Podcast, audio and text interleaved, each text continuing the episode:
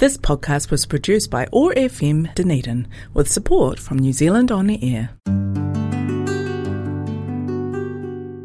It's time for Muslim Chaplaincy Conversation at OAR FM Dunedin.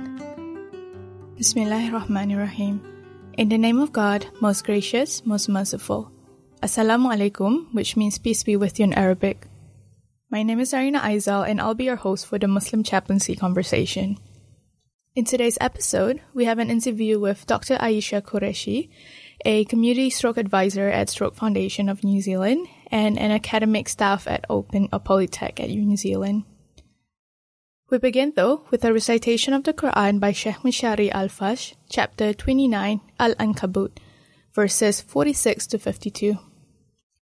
ولا تجادلوا أهل الكتاب الا بالتي هي احسن الا الذين ظلموا منهم وقولوا امنا بالذي انزل الينا وانزل اليكم والهنا والهكم واحد ونحن له مسلمون وكذلك أنزلنا إليك الكتاب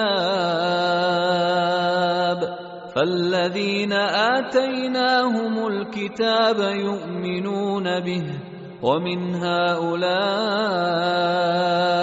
من يؤمن به وما يجحد بآياتنا إلا الكافرون وما كنت تتلو من قبله من كتاب ولا تخطه بيمينك اذا لارتاب المبطلون بل هو ايات بينات في صدور الذين اوتوا العلم وما يجحد باياتنا الا الظالمون وقالوا لولا انزل عليه ايات من ربه قل انما الايات عند الله وانما أنا نذير مبين أولم يكفهم أنا أنزلنا عليك الكتاب يتلى عليهم إن في ذلك لرحمة وذكرى لقوم يؤمنون قل كفى بالله بيني وبينكم شهيداً يعلم ما في السماوات والارض والذين امنوا بالباطل وكفروا بالله اولئك هم الخاسرون Translation of the recited verses In the name of God, most gracious, most merciful. Believers argue only in the best way with the people of the book, except those of them who act unjustly. Say, We believe in what was revealed to us and in what was revealed to you. Our God and your God is one and the same. We are devoted to Him. This is the way we sent the scripture to you, Muhammad. Those to whom we had already given scripture believe in the Quran, and some do, and do some of these people. No one refuses to acknowledge our revelations but the defiant. We never recited any scripture before we revealed this one to you. You never wrote down one with your hand. If you had done so, those who follow falsehood might have had cause to doubt. But no, this Quran is a revelation that is clear to the hearts of those endowed with knowledge. No one refuses to acknowledge our revelations but the evildoers. They say, Why have no miracles been sent to him by his Lord? Say, Miracles lie in God's hands. I am simply here to warn you plainly. Do they not think it is enough that we have sent down to you the scripture that is recited to them? There is a mercy in this and a lesson for believing people. Say, God is sufficient witness between me and you. He knows what is in the heavens and earth. Those who believe in false deities and deny God will be the losers. We will now have our interview with Dr. Ayesha. Assalamualaikum, Dr. Ayesha. Thank you so much for being here today on Muslim Chaplaincy Conversation. Walaikum assalam. Thank you so much for providing this opportunity. It's really an honor and pleasure for me to be here. Before we start, would you mind introducing yourself to our listeners? Yes, sure. My name is Ayesha Nisar Qureshi. I'm from Pakistan. I came to New Zealand in 2019 to pursue my PhD studies. I completed last year and now I'm working as a community stroke advisor with the Stroke Foundation of New Zealand. Thank you so much for the introduction. You mentioned that um, you're from Pakistan. Yes. Can you share with us what it's like growing up there? Well, um, you're gonna make me nostalgic now, but yeah, um, I grew up in the federal capital of Pakistan. Um, it's it's known by the name of Islamabad. So Islamabad is the federal capital. Um, I was born there, raised up there. I belong to a family of educationists. My father was um, dean faculty of social sciences um, in a renowned public public sector university in Pakistan. Uh, my Pakistani fellows uh, would know and recognize the name of the university. It's Allama Iqbal Open University. Um, yeah, and my mother was a housewife. Both my mother and father have passed away now. Um, we are four sisters. My the the eldest one she lives in UK. Then it's me. The younger to me lives in Pakistan, and the youngest of all lives in Dubai. So yeah, because Pakistan is predominantly, majorly a Muslim country, so we were brought with the Muslim values, with a strong focus on religion.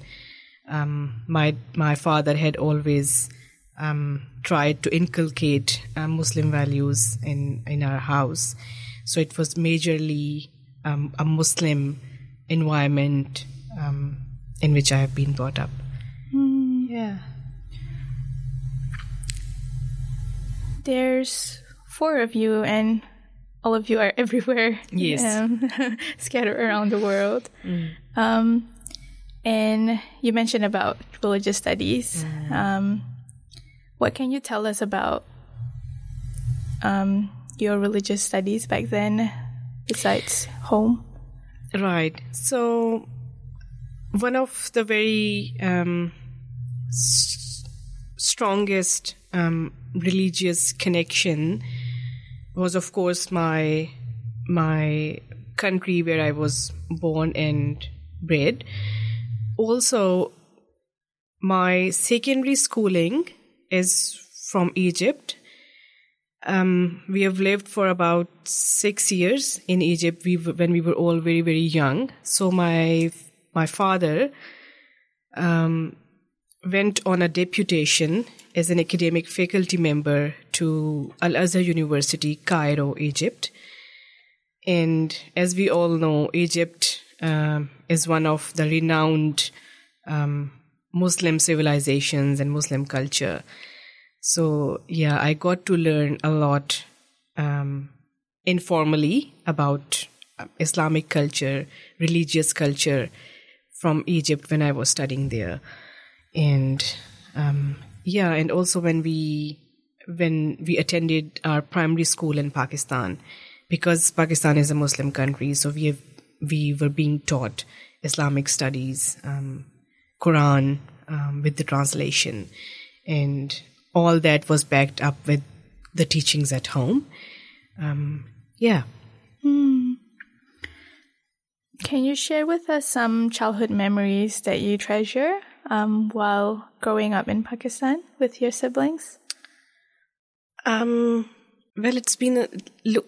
Seems like a like a long um, journey from here. I I feel myself that I've been I've I've grown really really older, but but yes, definitely. Um, I do remember the the times we have played together with our parents. Um, we we used to go to the same school, um, all four of us, and the thing that I specifically remember is the evening time with with our father because he was himself an educationist. So he was very particularly focused on spending 30 or 40 minutes with us in the evening before the dinner time where we all used to tell him what has happened in the school today what have we learned.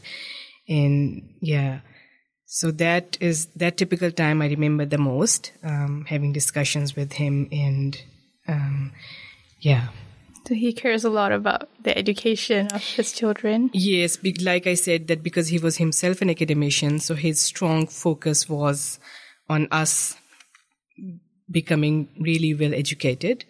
And that is how, uh, it's a long story again, but I will get to that when you will ask me further questions. So that is how I came towards my PhD because he was himself a PhD scholar and he, uh, he really wanted any one of us um, to become a PhD doctor. So that was where uh, this passion came from to pursuing a PhD degree. But yeah, but when you asked me about the memory, so that thing is still very, very um, clear in my memory, and sometimes I miss that, and I, I, I kind of challenge myself that that I am not able to provide that kind of um, environment to my kids because of our lives being really busy. But then when I think that our uh, mother and father, they were also very, very busy back then. Um, but they were, they were able to find that time to spend with us. Be it was only 30 or 40 minutes, but that is something that I still remember. But I wonder what my kids will remember when they will grow old. they will have nothing to share. I'm sure there is. and that's a very good uh, reflection as well. Like Yeah. your parents inspire you to yeah. be better parents yourself. Yeah. Yeah. So after school in Pakistan, um, can you tell us about your higher education journey? Yeah, so I attended my primary um, school from Pakistan. Then we went to Egypt. I lived there for six years. I I had my secondary education um, from Egypt, from Pakistan International School, Cairo.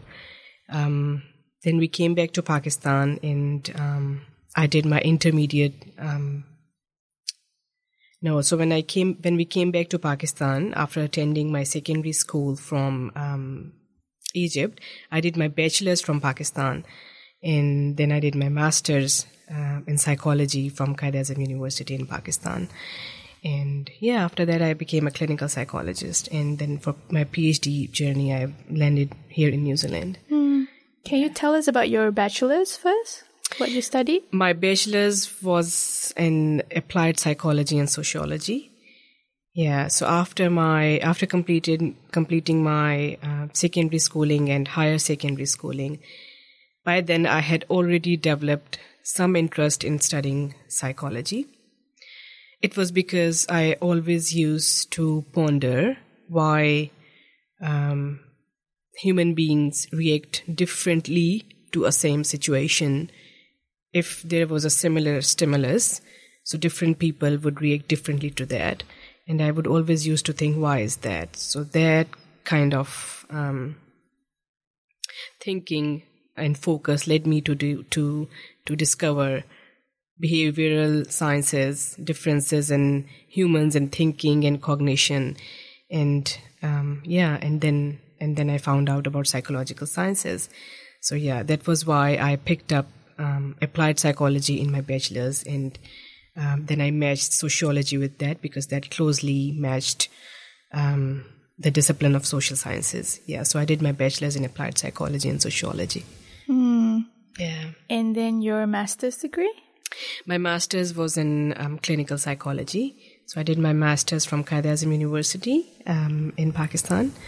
Yeah. Um, and after doing my master's in psychology, I I was um, employed as a clinical psychologist in in a federal government public hospital um, in Pakistan, serving as a clinical psychologist in a psychiatry department. Um, right after that, um, it was back then in 2005 when I started working as a clinical psychologist. Can you tell us about that experience working as a clinical psychologist? Right. So I have worked uh, with a variety of clients, ranging from minor anxiety and um, minor mental health issues to severe um, psychotic issues.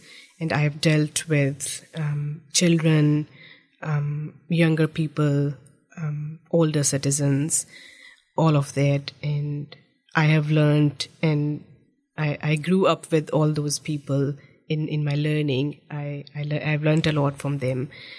Yeah, so it, it was quite an enriching experience. Mm. Yeah. How long were you working as a clinical psychologist? Uh, so, well, I started working in a hospital. That was for um, for about a year only. What happened in 2005 was that Pakistan was hit by one of the devastating earthquake in northern areas of Pakistan um, in 2005.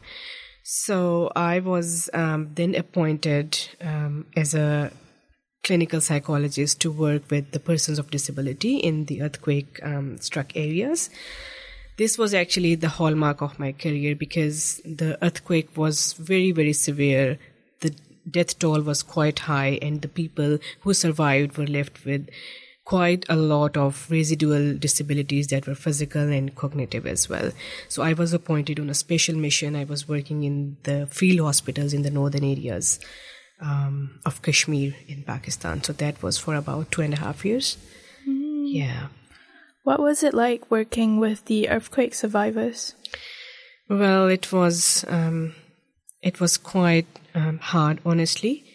Um, looking at how the how the lives of the people were turned upside down in the blink of an eye, and um, and so much to deal um, for those people for their entire lifetime was quite difficult to see. It was quite stressful, and yeah, but at the same time, something that inspired me was the resilience of those people, how how they fought with those challenges, how they fought with all those issues, and uh, how they tried to to survive that adversity.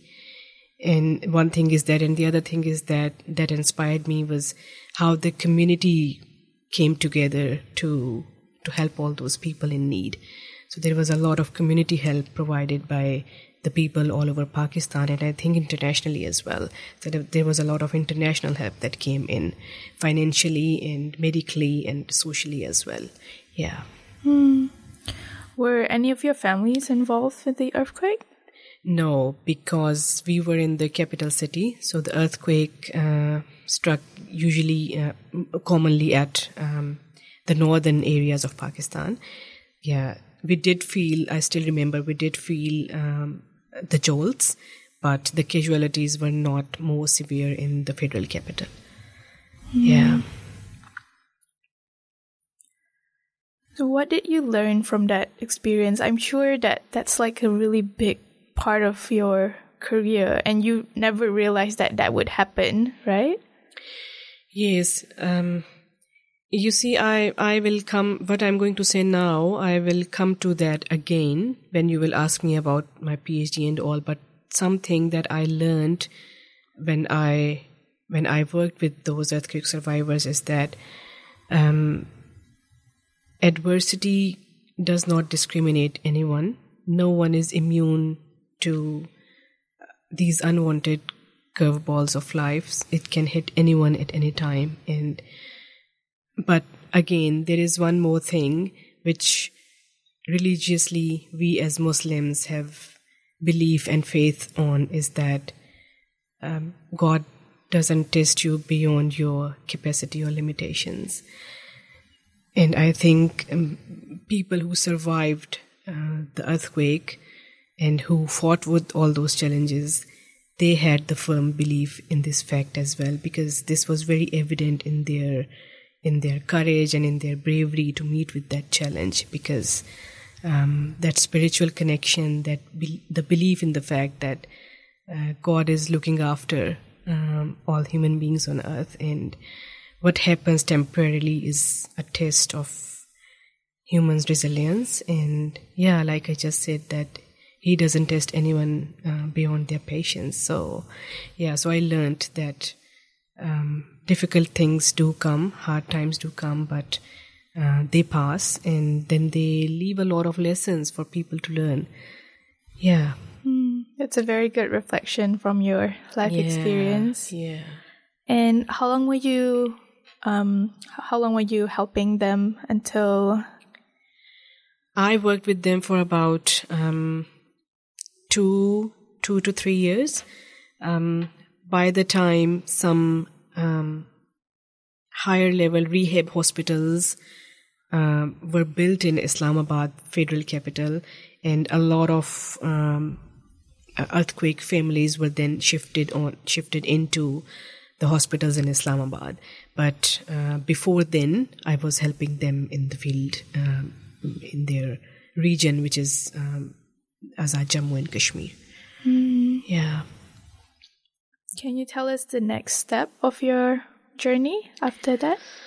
Right. So what happened was, um, if you will talk to me, you will um, hear a lot of stories because I am a storyteller, and uh, because a lot of what I did in my life comes from my personal experiences, from my own narrative, and I believe uh, in the storytelling approach because it then helps build emotional connection with people who who are listening to you and and interviewers um, like you.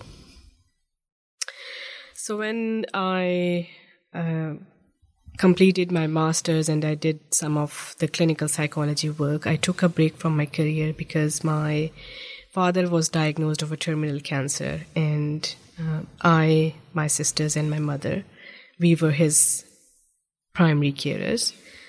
Um, yeah, so that was um, that was a that was a another life's curveball um, that I faced. I took a break over the, f- for him to um, care for my dad and look after all his support needs. Um, he passed away after fighting with cancer after just only after two years when he was diagnosed first. Um, after that, I moved to Saudi Arab. Um, I was appointed as a faculty member at the School of Public Health and Tropical Medicine in Jazan University. So I have served in Saudi Arab for about six years. Um, yeah, I was a faculty member for mental health and psychopathology. Yeah, and um, before coming to New Zealand, I was in Saudi Arab. So my exit is from Saudi Arab, not from Pakistan. Yeah.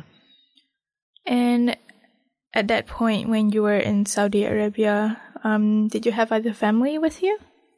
No, it was my yeah my my immediate family, my husband and my daughters. Mm. Yeah, my mother and my sisters were still uh, in Pakistan. Yeah. At what point did you start thinking about doing your PhD?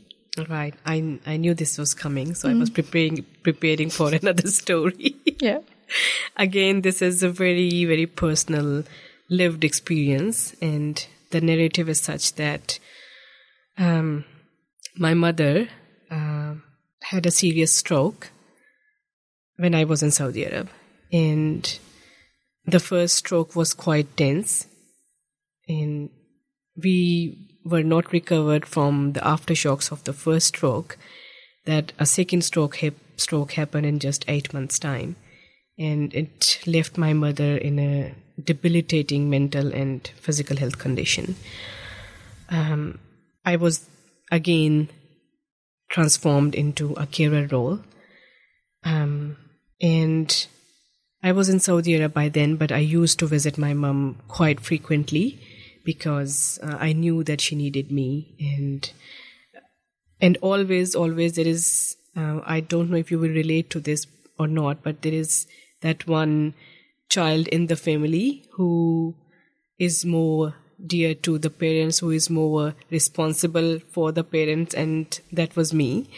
So, yeah, my sisters still always um, keep criticizing on that, that you have always been the most favorite, but then I was also the most responsible of all. So, yeah, I, um, like I said, that I was transformed into a carer role. And I still remember that when we left the hospital, when when my mom was uh, discharged from the hospital, we just had one simple discharge file in our in our hands, and the doctor said to me that, "Look, this is what it is, and you need to learn uh, how to deal with life after stroke, and you will be on your own." And I realized later on that that we were literally on our own, providing all kind of social, psychological, emotional, uh, and to some extent medical help to our mother. Um, while I was navigating through my role as a carer, the closer I looked, the more I saw family carers playing a crucial role all over the world. And I don't think this will be an exaggeration to say that if family carers were to stop caring today, our health and social care systems would just fall over.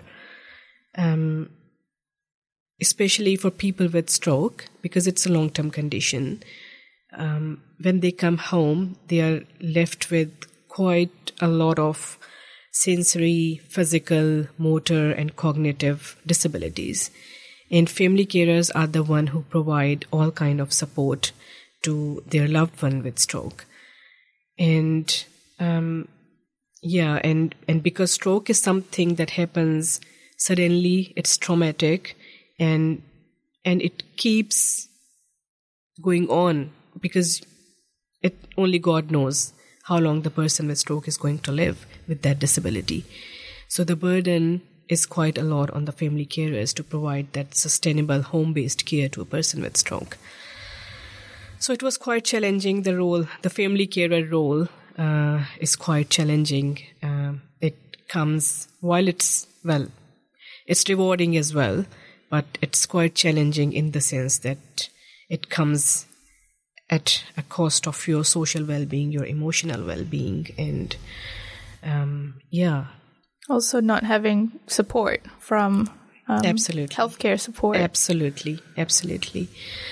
Yeah. So this was a turning point, and um, because so there were two things because I was already working in academia. Academia was in my blood because of uh, my father, and at some stage in life, I has I had always thought of pursuing my PhD studies, as I just mentioned before. That my dad had a craze that one of his daughters um, would earn a PhD degree. So that was always in my mind that at some stage in life I have to get to that. Um, but this lived experience of being a carer kind of confirmed um, that, and I then uh, thought that now, yes, I have found a topic and I have found my focus now. I embarked on a PhD journey to explore how, family carers can be better supported in their role. Started looking for admissions uh, abroad and all over. So, yeah, my research proposal was accepted by the School of Physiotherapy, University of Otago. I was granted a fully funded doctoral scholarship. Yeah, so that that's how I came to New Zealand in 2019 to pursue my PhD studies. Mm.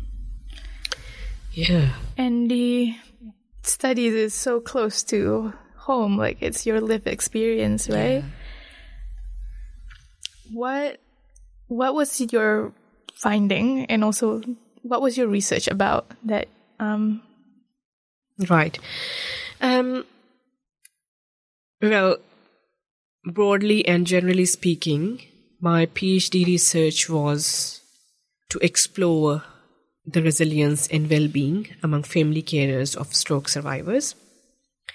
Specifically speaking, in my PhD research, I developed a resilience program which is called as a strengths based resilience intervention and I implemented that intervention um, with the family carers, carers of stroke survivors here in Dunedin and in Oamaru.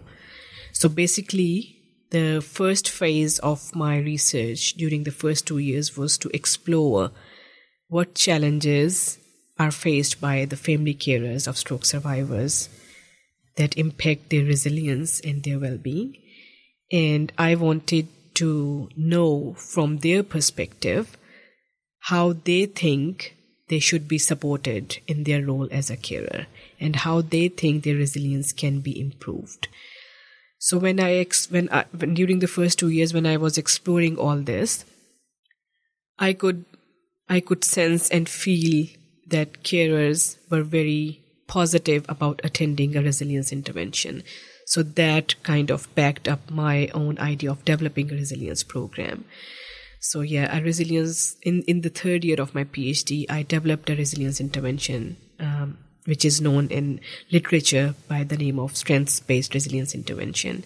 This intervention was actually a, a standardized intervention. This was developed in Canada by another uh, Pakistani um, colleague, um, Dr. Tayyab Rashid. He is a clinical psychologist.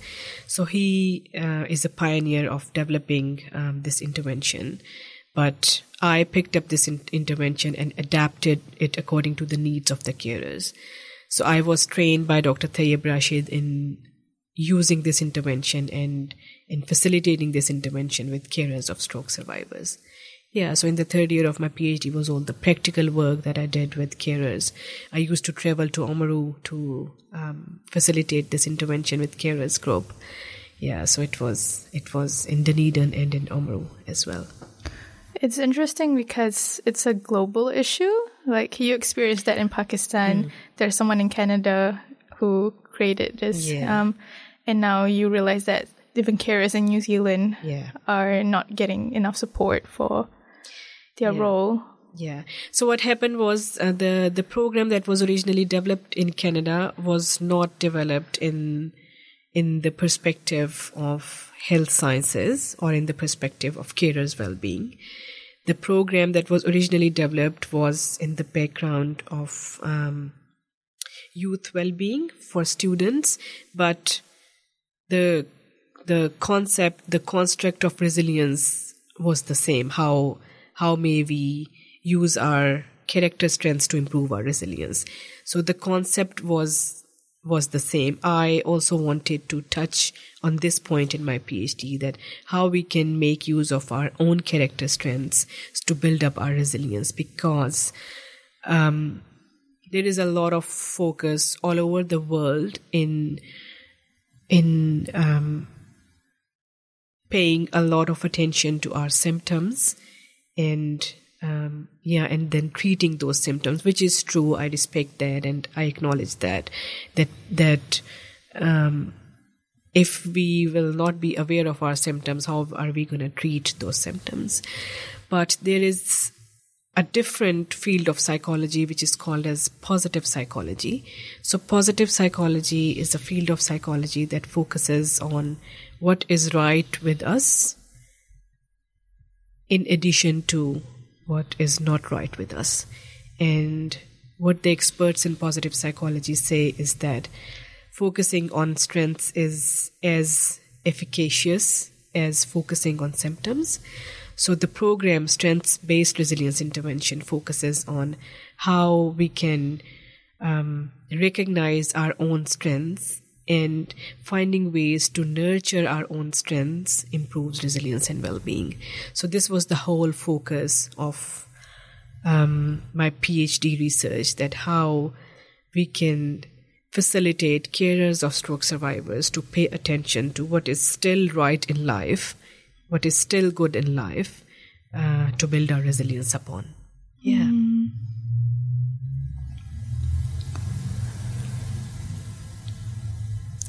And with your research, yeah. is there any tips you can share with the audience on um, strength based resilience?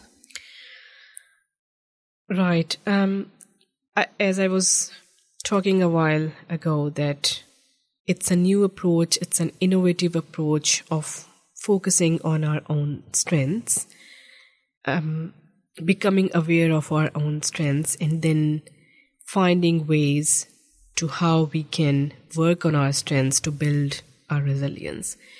So when I was working, uh, just in giving you an example, that when I was working uh, in my PhD facilitating this program with carers of stroke survivors, so a woman just um, realized that um, helping people is one of her strengths, and she likes to do that. And when I explored further, she kept telling me how she um, engages herself in small acts of kindness, looking after the neighbors, um, donating something in charity, blah blah blah, and um, and then she, after she attended my sessions, she came back one day saying that she used to do all those things um, by default, but now when she has started to realize um, that strength as one of her positive character strengths, she said that now she finds ways to you know look for someone who is needy look for someone who is who who may benefit from me. So she said to me that that is some way she she finds um, she finds a real strength in herself. She feels that she feels good. She feels emotionally positive. Yeah, and now going back to your question, what you asked was that um, do you have a lesson? Did you ask that? Mm. Yeah, yeah, yeah, yeah. So yeah, so one one one of the, the the purpose to narrate this example is that the lesson one is um, God has not created anyone without a strength. Um, the reality is that we are so uh, really busy in our lives that sometimes we forget about all all that and we do not recognize and realize our strength. So that is really important, realizing what our strengths are and then finding ways to nurture those strengths. It does improve resilience and well-being. And I would like to add that this is not only the words that I'm saying, this is backed up by the evidence-based science, and there is the whole science behind strengths-based resilience. If people would, if people who are listening and people who would like to look that up, so yeah, it's it's the approach is called as strengths-based resilience, and it's backed up by the scientific literature. The other thing that I wanted to talk in terms of lessons is resilience. Um, in my opinion, people don't understand um, correctly what resilience is. So resilience, and I, I, I didn't understand it correctly unless I was taught a lesson of my own when I was in the carer role. By resilience, I understood all my life that resilience is all about pushing yourself really, really hard and, you know, um, yeah, just, just doing it whatever, you know, just, just, just doing it the hardest way. But actually, resilience is not that. Resilience is learning the correct coping mechanisms rather than defense mechanisms. Resilience is trying to understand that there is some things that you can control and some things you can't control. So some things that are beyond your control are just that, you know. And um, yeah, resilience is about getting help and support from others. This is also resilience. And I have learned from my uh, research program that uh, this is one of the secrets of uh, highly resilient people that they don't keep pushing themselves hard. They they try to navigate the support system that is available. So that this is one of the signs of highly resilient people. So yes, resilience is adapting to your circumstances by learning correct coping mechanisms. Mm. Yeah. That's very new to me. Um, and yeah. I'm glad that we get to share that to our listeners yes. as well. Yeah. Mm. Yeah. Well, your PhD won the Exceptional Thesis Award. Yeah. That is so amazing, mashallah. Thank you. Um, can you tell us a bit about how that happened? Right. Um, you will be surprised to know that my oral exam for my PhD was only 25 minutes, as opposed to how I have heard from people that it may sometimes, you know, last up to an hour or hour and a half. I was um, a bit nervous, as everyone would, um, before going for an oral exam. And yeah, but I think I nailed it during my Viva. and uh, the moment I stepped out from my Viva, one of my supervisors was with me and uh, she said to me that Ayesha, you mark my words now, you are going to get distinction uh, in your Viva, in your PhD. And I said to her, it's, um, well, if you think so, let's see. And yeah, the other day I just got this news from my convener that uh, all the examiners have um, decided to give you an exceptional status. And that was based on the fact that my research was innovative, it was an addition to the scientific knowledge, and most of all, it was the community work that had practical implications um, related to my my research. Otherwise, one of the comments that I was given by one of my examiners was that the the best part of my PhD was that it was relevant to the health of people in the community. Otherwise, the research is on one side and the community is on the other side. That there is a lot of gap between research and and the community mm-hmm. engagement and community work. So something that that they liked about my research was that it was um, yeah, it was an inquiry, it was an investigation of an innovative approach, but then it brought a hugely positive impact on the lives of people uh, facing the real life problems. Yeah. Yeah. We are so lucky that oh, thank you. You got the chance to do your study here mm. in New Zealand, and yeah. you know people can benefit from yes. the research. Yeah. Um, can you tell us about your life in New Zealand now and what you do as part of your job? Right. Um, so soon after I completed my PhD, um, because my PhD was with um, the families affected with stroke, I had worked very closely with Stroke Foundation over the three and a half years of my PhD. Uh, stroke Foundation has supported my research, um, in yeah, for which I'm very very thankful. Um, when I completed my PhD, I was um, given a job offer by the Stroke Foundation of New Zealand, so I joined here as a community stroke advisor. So, what our role is, our role is uh, community based support. We are not a medical or a clinical um, organization. Stroke Foundation is a community based organization that provides information, education, and support to people who come back and live in their own homes independently. In my role as a community stroke advisor, I make sure that people are getting all the required supports that they need um, to live well um, and independent in their communities. And in my role, I of course I support family carers of persons with stroke. And um, one of the best things that I like, well, well, this job is very dear to my heart, very emotionally close to my heart. But something that I like the best about my job is that I uh, facilitate family carer support groups um, every month.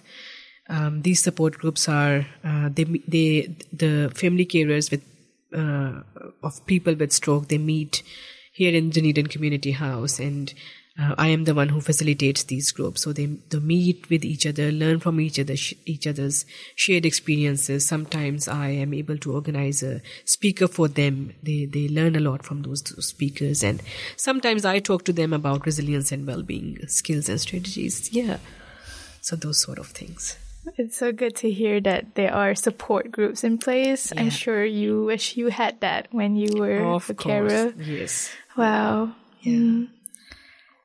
And can you tell us a bit about your life in New Zealand with your family? Um, I'm I consider myself a migrant woman, although I came on a student visa and but but yeah, it's I still consider it a migration and um, there were some challenges in the very beginning um, as everyone coming from a different culture would face in a new society. But um, I knew that New Zealand is safe, New Zealand is very welcoming, and um, we were able to overcome all those um, initial challenges in the form of cultural shock, weather shock. It was very, very cold when we came here in June 2019. So, one of the coldest, uh, June is one of the coldest months, I think. Yeah. And um, like I always say, that um, being a Muslim, uh, we have uh, we have belief in the fact, and it's mentioned in Quran as well that with every hardship comes ease. So I knew that uh, I have come here for a purpose, and these struggles will pass. This time shall pass, and good things are about to come. So yeah, that that made my navigation easier. Yeah. It's good that you're very resilient with your um, ad- adapting to life here. Well, I think that that has also a lot to do with the values I've been brought up. So, um, in my family, I have inherited these values of hard work, perseverance, grit, and hope from my parents that have always been a strength in my life. And uh, secondly, my religious teachings, of course, um, like I always keep on um, saying that um, God has promised to look after His people. So I know that I am in safe hands, and and the hardships are temporary; they they go away. But like I said, that learning correct coping mechanisms is really important. Yeah. And on top of, you know, your busy work schedule, being a mother, you're also very active with the community, um, and particularly your Pakistan society. Can Yeah. you, um, like as the president, so Yeah. can you share with us how um, the Dunedin Pakistan Society comes into place?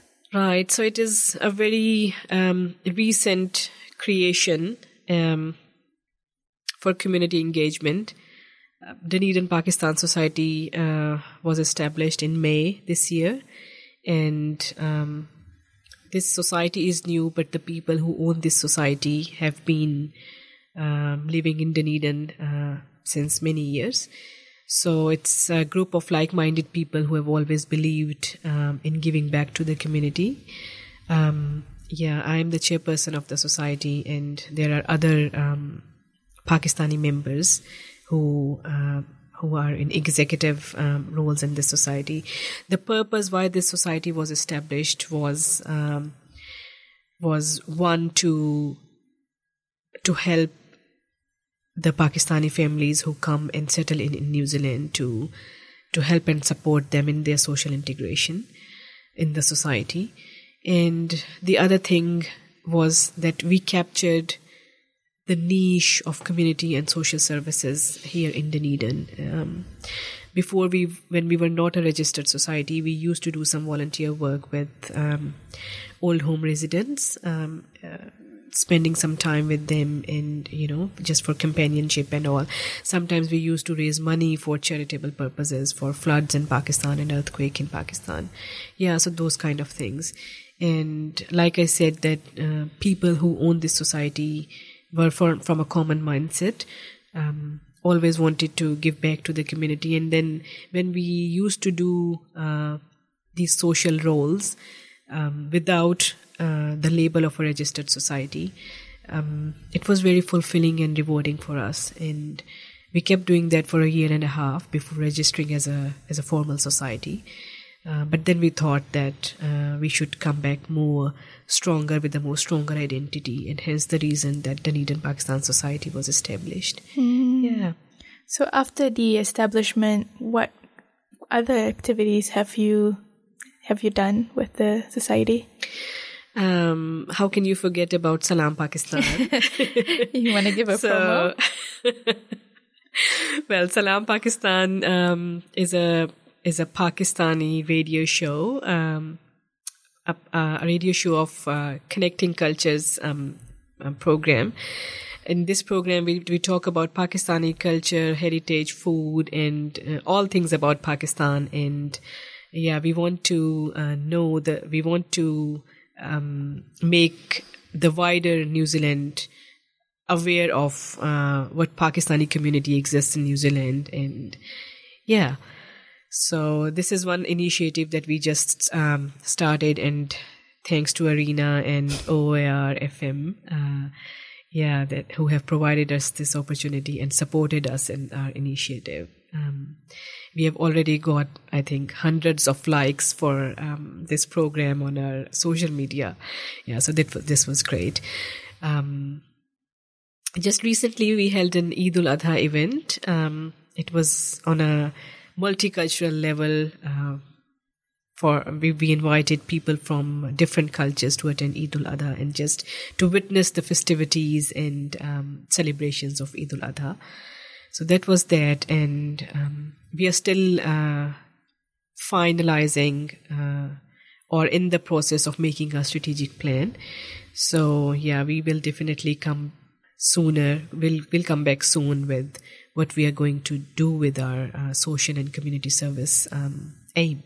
Yeah, it's very good. It actually inspires lots of other ethnic groups mm. to start their own societies and yeah. make things formal. Yeah, mm. yeah, yeah.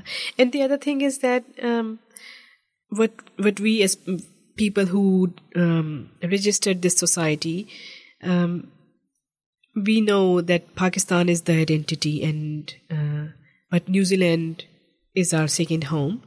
Um, we live in New Zealand, so what? In what ways can we contribute to to a New Zealand community? How can we serve New Zealand community while maintaining our own identity, while maintaining our own um, culture, and yeah, so it was this thought that was prevalent that what can we do for the for the New Zealand community at large. So it, yeah, so that was the thought that there is a there is a lot of work to be done at the societal and community level. Mm. So why not do that? Yeah, it's very good. Mm. Before we wrap up our interview, and you know, we learned so much about all the things you studied, and um, and also your research was such a important part of your story, and you've shared so much stories with us today. Mm. Would you mind giving us giving any advice for the Muslims living in New Zealand? Yes, absolutely. Um, something that I like about my, of course, I I like my research. I like what I did. Um, especially when I think of the sort of the stronger positive impact that it has uh, brought on the lives of people. But when I was uh, I was researching that strengths based resilience program, I found out that the teachings of that program were very similar to Islamic teachings. So the components of strengths based resilience program are um, working on cognitive flexibility, uh, mindfulness, gratitude, kindness, helping behavior, having a clear sense of purpose in life. I felt that these are the teachings that my religion has taught me. Is Islam has all these values embedded in its teaching kindness, charity, gratitude, um, giving back to the community, helping people in need. So when I and when I read that, I was quite surprised that the Islamic teachings are very close to scientific uh, inquiries and scientific innovations. So the the scientists in the field of positive psychology have now proven it with the help of experiments that how gratitude remaining thankful uh, for for what good things we have in life, noticing all those positive things and then paying our gratitude to all those things, it helps increases our resilience. It helps uh, protect us from mental and physical illnesses. This is proven with the help of experiments. With there is data available for that, And these teachings are very strongly embedded in the values of Islam. Thankfulness, gratitude, these are Islamic values. And when, and there was another component of strengths based resilience, which was um, charity, donations, kindness. And now the science has proved how kindness, doing charity, doing donations, it helps people improve their well being, protects them from depression, protects them from the levels of anxiety. So, yeah, the message when you said that what message do I want to give to the Muslim community is that our values are actually values of Islam are universal values that are practiced all over the world and these values are backed up by the scientific literature. And yeah i i am not sure if people are already aware of this but uh, it came to me as a new learning that what i'm reading as a res- as, as a part of my research is actually uh, is actually the value of islam that i have been brought up with but um, yeah it it gave me a a strong sense of confidence that all these values are scientific values as well. Mm. Yeah. That's a very good advice yeah. and, um, you know, a reflection throughout your whole experience. Mm. And I'm sure a lot of us needed to hear that. Yes, mm. yes, yes. Thank you so much, Dr. Ayesha. We really appreciate your time with us today. You are very welcome. Thank you so much for providing the opportunity and listening to my stories and my narratives and my experiences. I'm so really grateful. Thank you. That is the end of our program today. Thank you for your time. Special thank you to OAR FM for facilitating the production of this program.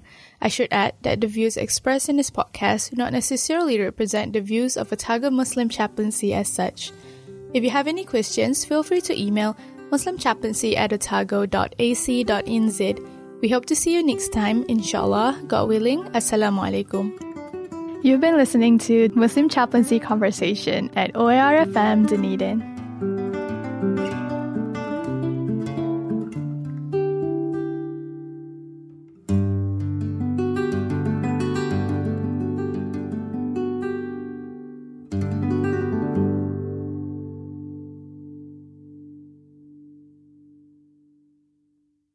This podcast was produced by OAR FM Dunedin with support from New Zealand On Air.